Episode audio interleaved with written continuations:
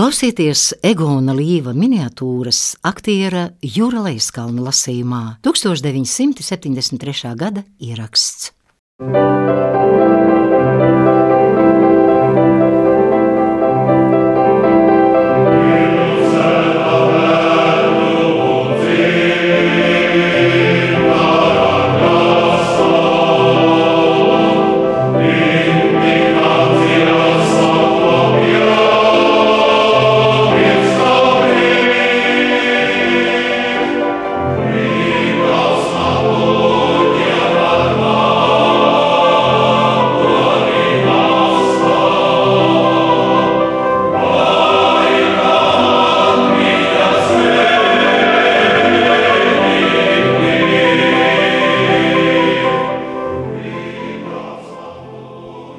Man nepatīk pilsētas, kurās apstājas vilcieni, lai neietu vairs tālāk.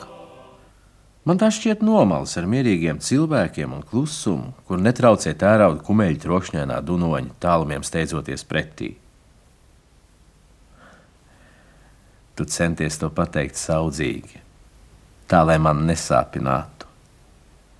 Bet pūlies tu velti, un es klusēju tikai tādēļ, ka tava maldīšanās ir parastā ekskursantu neziņa. Braucot no Rīgas, tu pa ceļam esi saticies ar ievziedu kupanām un uzārtas zemes siltu elpu, bet liepājas mīgle ir kā mitrs dvielis, tu saki. Skumja vieta, nostūris, kur pavasars par savu ierašanos paziņo ar kaulu sāpēm. Neapskaužu. Aiziet pēdējais tramvajs samiegojušos kasieru vagonu stūrī.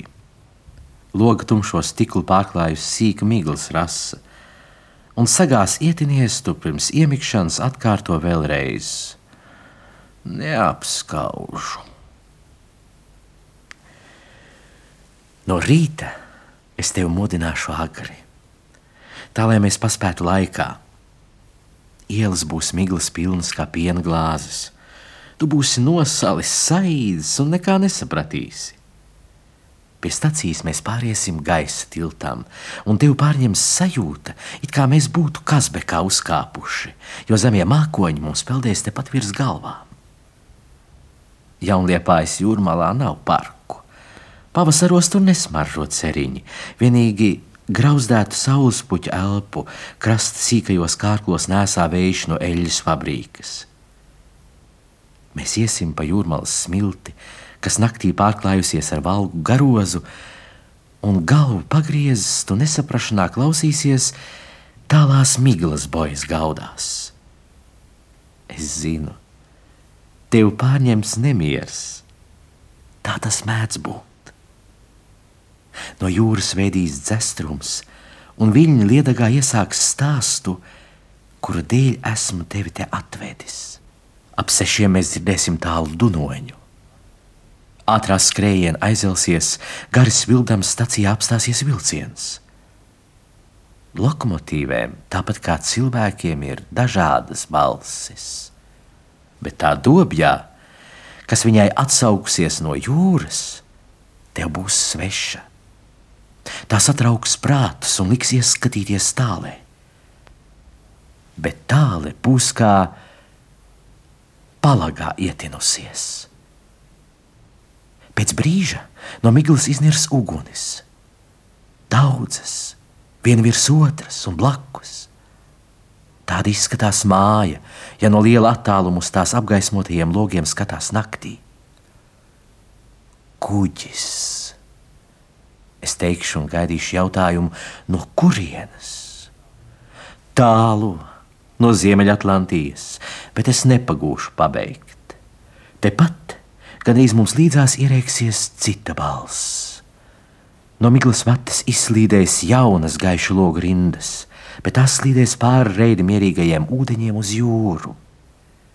Divas mazas pilsētas miglā tuvosies vienotrai savas varanās balss dārdinādamas, no kurām veci jūrnieki pietrūkstas gultās sēdus un aizsmēķē. Uz kurien tas? Varbūt uz Newfoundlandi, varbūt uz vidusjūru. es īsti nezināšu. Apklusīs sirēnas, uguns izzudīs, tikai miglas bojā, mola galā skanēs vēl aizvien, aicinādama kuģus ostā un izvadīdama tos tālajā ceļā. Kad cauri miglai spiedīsies pirmie nespodrie saules stari, mēs iesim mājup. Tu ilgi klusēsi, bet beigās kaut kas taču būs jāsaka. Varbūt tu neteiksi, ka pasaule nebeidzas tur, no kurienes vairs tālāk neiet vilcieni. Tas nemaz nebūs vajadzīgs. Man pietiks ar to, ja tu ieminēsies, ka arī nākošgad tev atvaļinājums iekrīt šai pašā laikā. Es sapratīšu.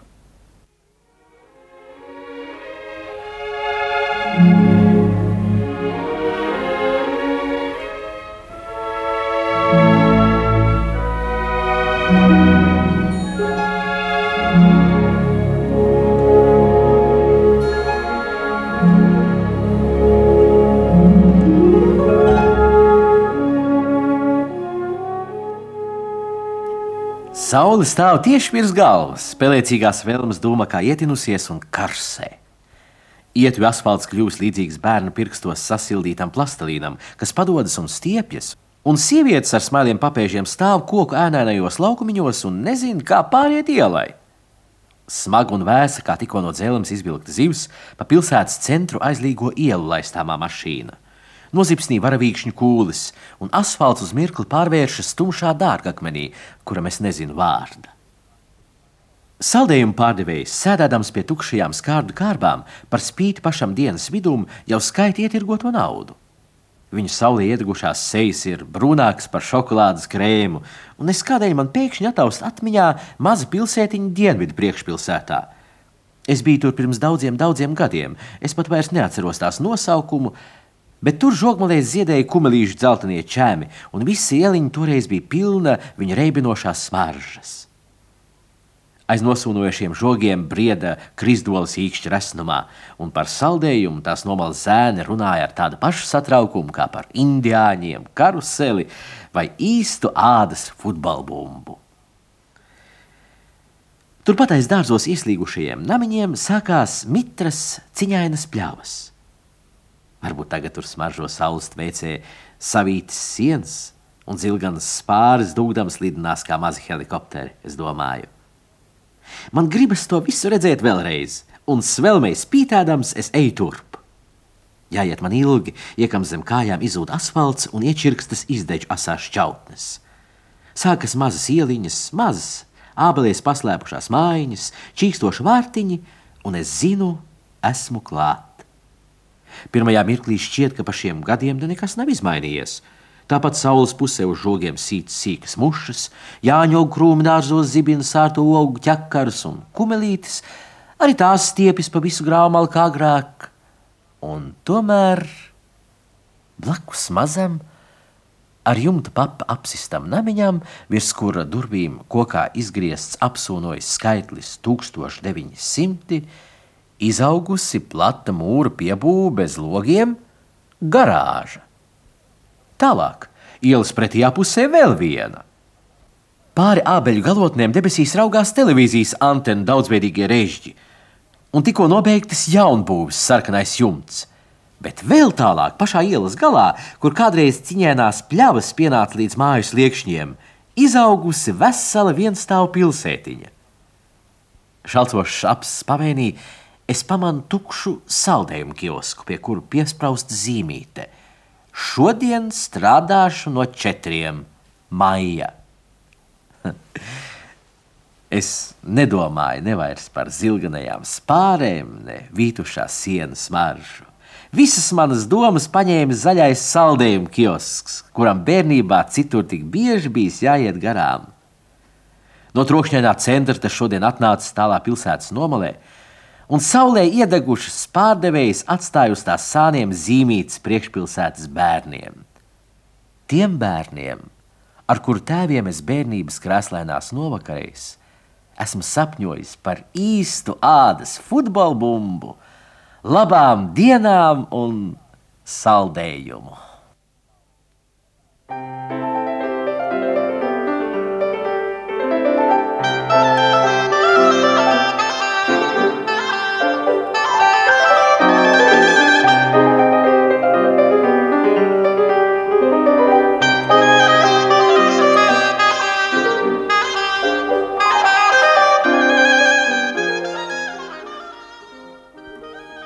Vēl pilsēta nav pamodusies.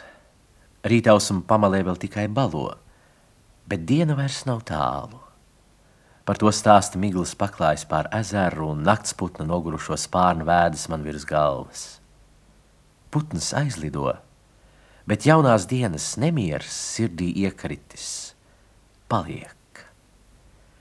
Es satinu nakšņoras un atstājies sevis dūņu smaržu un palsās miglas ietīto ezeru. Spuldas ielās jau izdzēstas. Es eju un prieka pārņemts vēroju krēslās naudošos namus ar aizvērtiem logiem un klusumu vilainiem pārklātos pagalmus. Neviena gājēja. Neviena. Tālu aiz manis smaga soļa mīta, čirkst grants, un pēc brīža no krēslas iznirst vīrs, plecos plats kā lācis, un viņa garo zābaku pakavi pret apaļo akmeni izšķiļ zilganu dzirksti. Vīra nosvērtais solis jau pagājis mazajā šķērsielā, un tikai tad es saprotu, ka tā bija jūras elpa, kas lika man apstāties.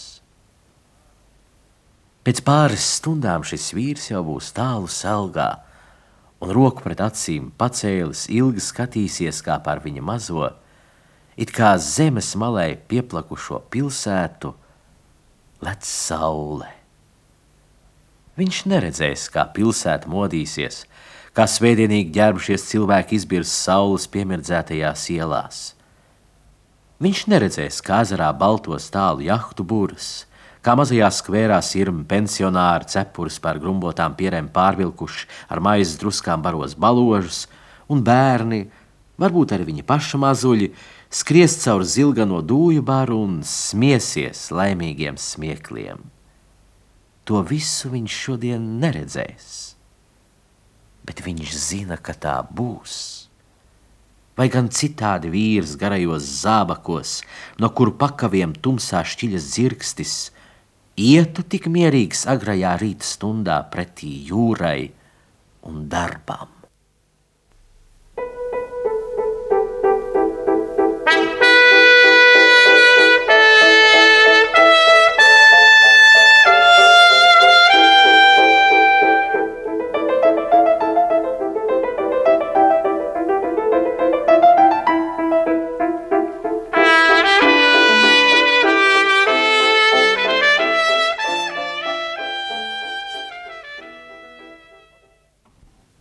Odeses tirgū pārdod mazus saulēnus veldes sūklīšus, persikus, pārdod baklažānus, ābolus, ķiplokus, pārdod arī vistas, gan dzīves, pa pāriem, gan vientuļus bez galvām.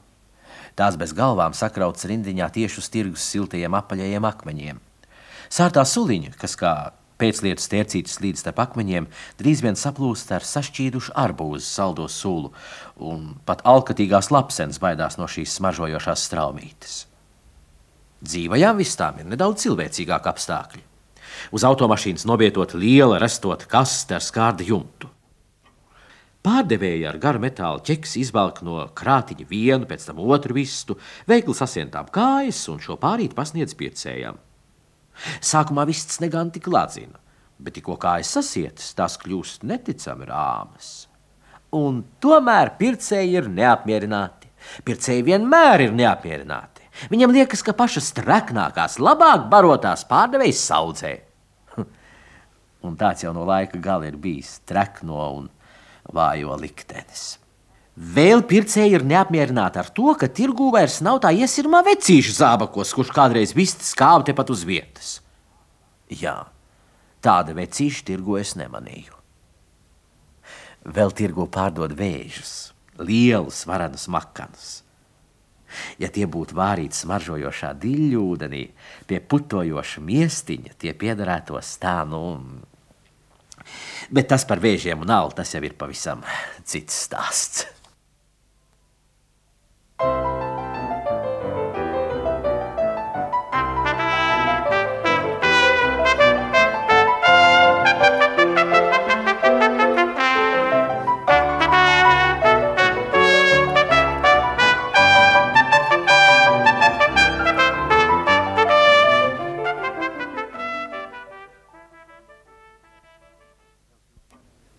Vēl pilsēta nerībina agrīnie tramvaji.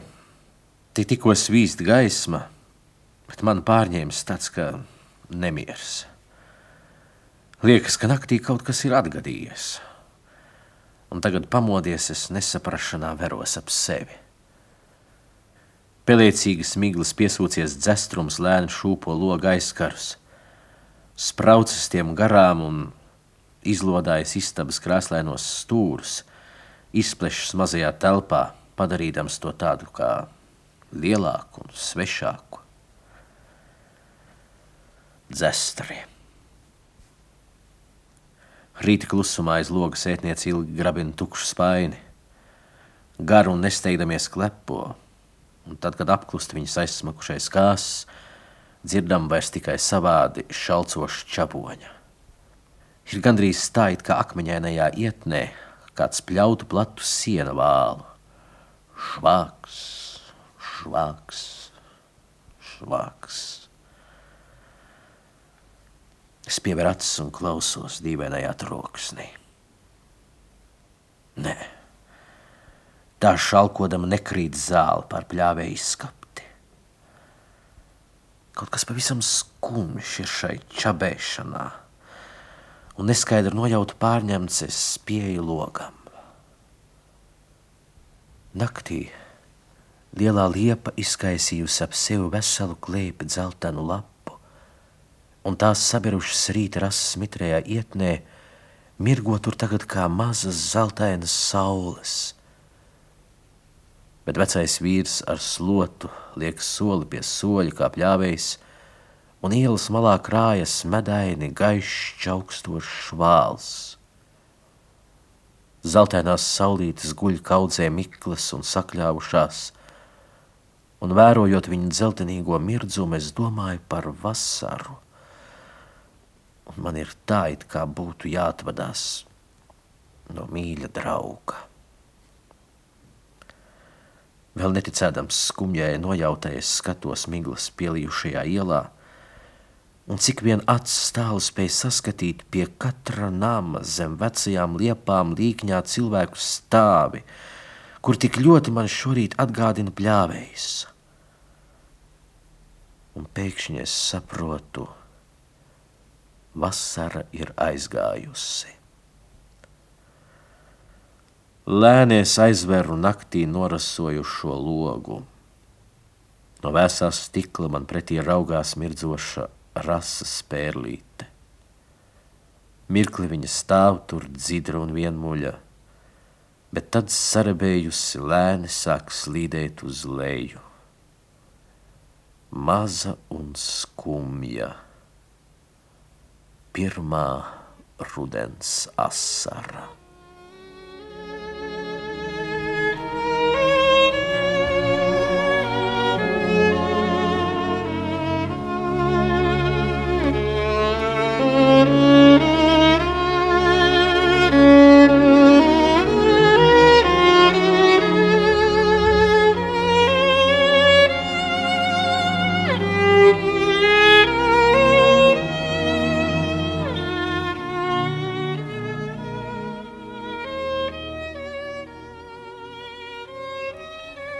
Kad es iekāpu lidmašīnā, manai vietai blakus, pieri pie iluminatoru piespiedusi, sēdēja moderna sieviete.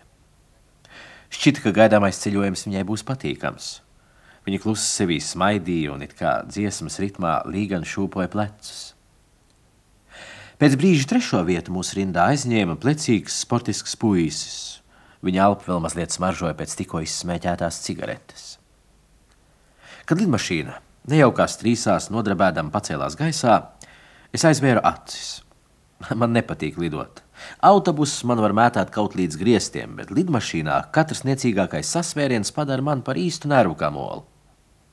Ar sāpīgu knikšķi man pāris reizes aizkrita un atkal dzirdīgs kļuva auss, un es zināju, ka pavisam drīz man pārņems smurgains snaudiens. Bet tad pēkšņi no sevis pa labi es izdzirdu modernās sievietes balsi. Labdien, Artur! Sveika! Man pakreizes sveicienu atņēma plecīgais sportists. Viņa balsī skanēja tikko jaužams izbrīns. Es jūtu, ka man jāturpina tēlot aizmigušo, un es to arī darīju. Man pa labi kaut kas sintētiski nočaukstēja. Es sapratu, man kaimiņiem pārlika kāju pārcelim. Vai tu man nepiedāvāt cigareti? Sieviete teica. Lūdzu. Nočaukstēja cigarešu paciņa, noklišķēja šķiltavas, un man apņēma gaistoša benzīna, maigu smaržu un cigarešu dūmu aromas. Es dzirdēju, ka sieviete dūmus vilka dziļi ar tādu kā satraukumu. Kā tu tagad dzīvo?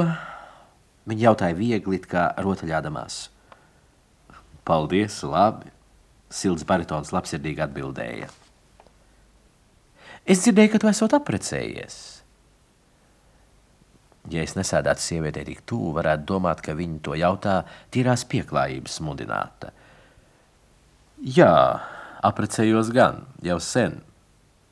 Puisis bija pats labsirdības nomalības iemiesojums. Es arī apprecējos, arī sen, viņa teica. Uz brīdi iestājās klusums, kāds jau nu klusums lidmašīnā iespējams. Manā rīcībā bija mirklis pārdomām.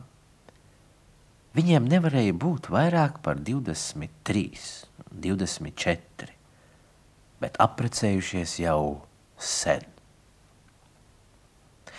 Man pa labi noklabēja sēdekļa pelntrauks. Sieviete dziļi ievilka elpu. Nu, un kā, Artur, bērni tev arī ir? Bērni, siltajā baritonā tikko jaušam ieguldzās gurts izbrīns. Bērni, pagaidām tik vien ir, cik tev tas puika no manis, bet tā vispār bērnu nav. Kā jau tas vienmēr mēdz būt lidmašīnās, Sēdeklis zem manis mazliet vibrēja. Kaut kur tālāk salonā murdēja cilvēku balsis. Puisis iekārtojās sēdeklī ērtāk. Artur! Man pa labi ieskanējās sievietes balss, un es vēlreiz nolādēju pasažieru lidmašīnas, kurās cilvēks sēd tik tuvu cits cita dzīvēm. Artur, vai tu varētu man iedot vēl vienu cigareti? Lūdzu, siltais baritons atbildēja un atkal noknikšķēja šķiltavas. Pēc brīža stūrta sāk izdalīt ledenes. Tad lidmašīnas riteņi atsitās pret betona skrejceļu. Kad viss norima, es atvēru acis. Baritons jau stāvēja pie durvīm. Modernā sieviete man blakus bija atskrūvējusi smaržu pudelīti un spogulī skatīdamās, it kā klusā dziesmā līgan šūpoja plecus un ar pirkstu galiem saudzīgi berzēja savas mazās, sārtās ausis lidojums bija galā.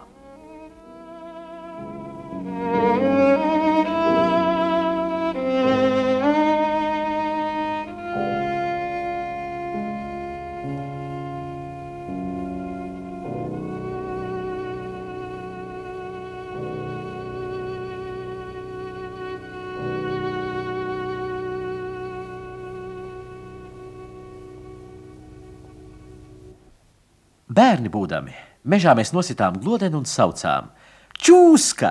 Čūska! Kamēr mēs tur tā priecājamies, nezinu, no kurienes radies pie mums pienāca vecs vīrs un teica: Glodeni ir labs kukainis, bet labāk nosist glodeni nekā palaist čūsku. Un aizgāja tikpat negaidīti, kā ieradies. No tā laika daudz gadu ir pagājuši bet manā ceļā vēl aizvien gadās pa cilvēkam, kas saviem bērniem māca. Glodene ir labs kukainis, bet labāk nosist glodeni nekā palaist čūsku. Bet bērni ir bērni. Viņiem tas liekas netaisni, un tad viņus liek kaktā. Thank you.